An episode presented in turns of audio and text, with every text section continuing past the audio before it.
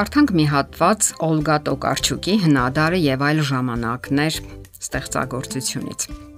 Որքան տարիքն առնում էր կալվածատեր Պոպելսկին, այնքան աշխարհը նրան սարսափելի էր պատկերանում։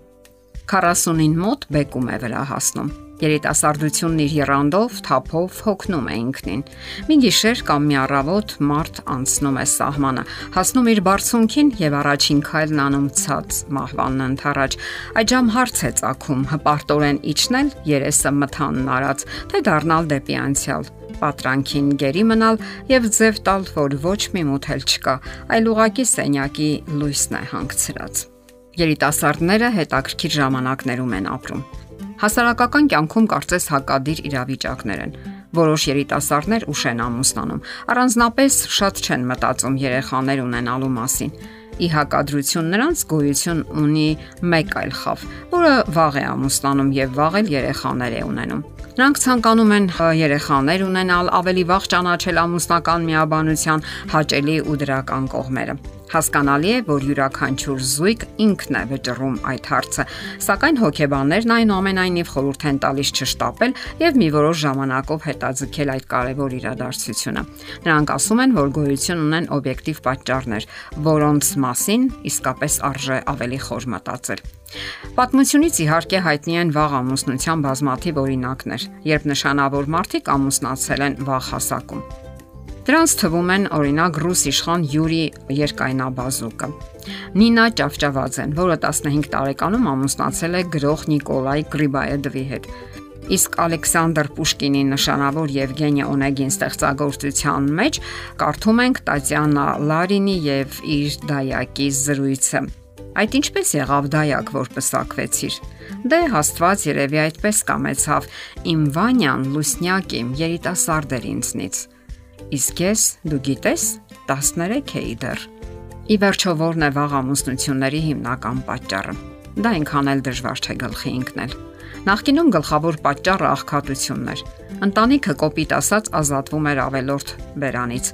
աղջկան հանձնելով մեկ ուրիշին։ Իսկ դա իր հերթին հանգեցնում էր աղջիկ մայրերի վաղաժամ մահվան բարձր մակարդակին, որովհետև նրանց օրգանիզմը դեռևս պատրաստ չէր ծննդաբերության։ Ժամանակակից աշխարհում վաղաժամ են համարվում այն ամուսնությունները, որոնք կնքվում են մինչև 18-ից 20 տարեկանը եւ հենց այդ տարիքում էլ։ Ռուսաստանում կատարված վիճակագրությունները ցույց են տալիս, որ գյուղական վայրերում 1.5 անգամ ավելի շատ են ամուսնանում այդ տարիքում։ Դա ուղղակիորեն կապված է գյուղական կյանքի հանգամանքների հետ։ Գյուղական վայրերում գործնականում բացակայում է աշխատանքային առաջընթացի դրսևորման հնարավորությունները Կյանքն այնտեղ սովորաբար պատտվում է տնտեսության եւ սերունդը շարունակելու շուրջ։ Բոլոր դեպքերում, որոնք են վաղ ամուսնության թերությունները։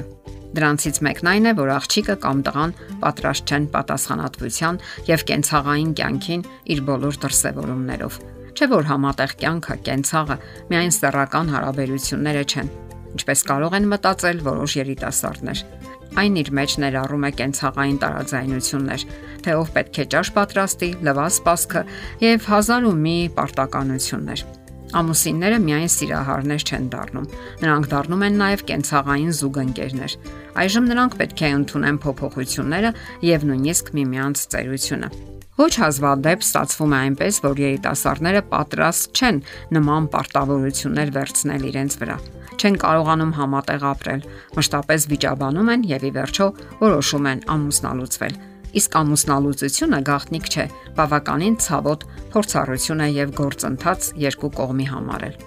Վաղ ամուսնության պատճառներից մեկն էլ հայրական տնից որքան հնարավոր է արագ հեռանալն է կամ անգամ փախչելը։ Անըմբռնող կոպիտ ծնողները կարող են մեծապես նպաստել դրան։ Երբեմն վաղ ամուսնության պատճառը պարզապես միայնությունն է Մարդը հոգեկան դատարկություն է զգում եւ փորձում է խլացնել այդ ձայնը ամուսնության միջոցով։ Սակայն հարց է, թե արդյոք այդ կերպ հնարավոր է լուծել միայնության հիմնախնդիրը։ Իսկ երբեմն էլ երիտասարդները ցուցադրաբար փորձում են ապացուցել իրենց անկախությունը։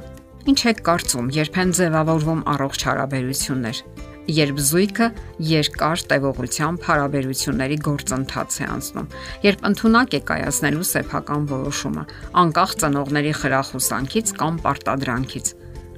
կարողանում են ապրել իրենց սկզբունքներին ու տեսակետներին համապատասխան, եթե նույնիսկ ծնողները այլ կարծիք ունեն։ Նրանք պետք է կարողանան հոգալ իրենց մասին, գումար վաստակել, իմանալ որտեղից սննդամը թերք ճարելու պատրաստել։ Պետք է դրամական անկախություն ունենան,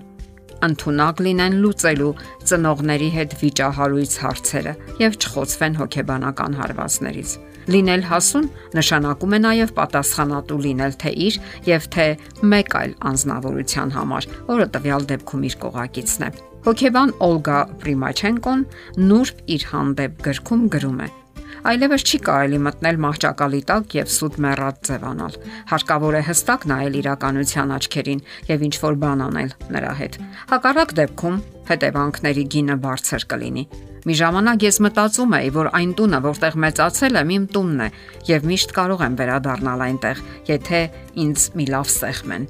Ես անկեղծորեն հավատում էի դրան այնքան ժամանակ, մինչև հոգեբանը թերապիայի գործընթացի ժամանակ ինձ ասաց, որ զուր եմ այդպես մտածում։ Ծնողների տունը դա ծնողների տունն է, իսկ իմ տունը այն տունն է, որը ես ինքս պետք է կառուցեմ։ Դե ինչ, յուրաքանչյուր երիտասարդ պարտավոր է ամուսնություն կնքելուց առաջ մտածել այս մասին։ Եթերում է ճանապար երկուսով հաղորդաշարը։ Հարցերի եւ առաջարկությունների համար զանգահարել 033 87 87 87 հեռախոսահամարով։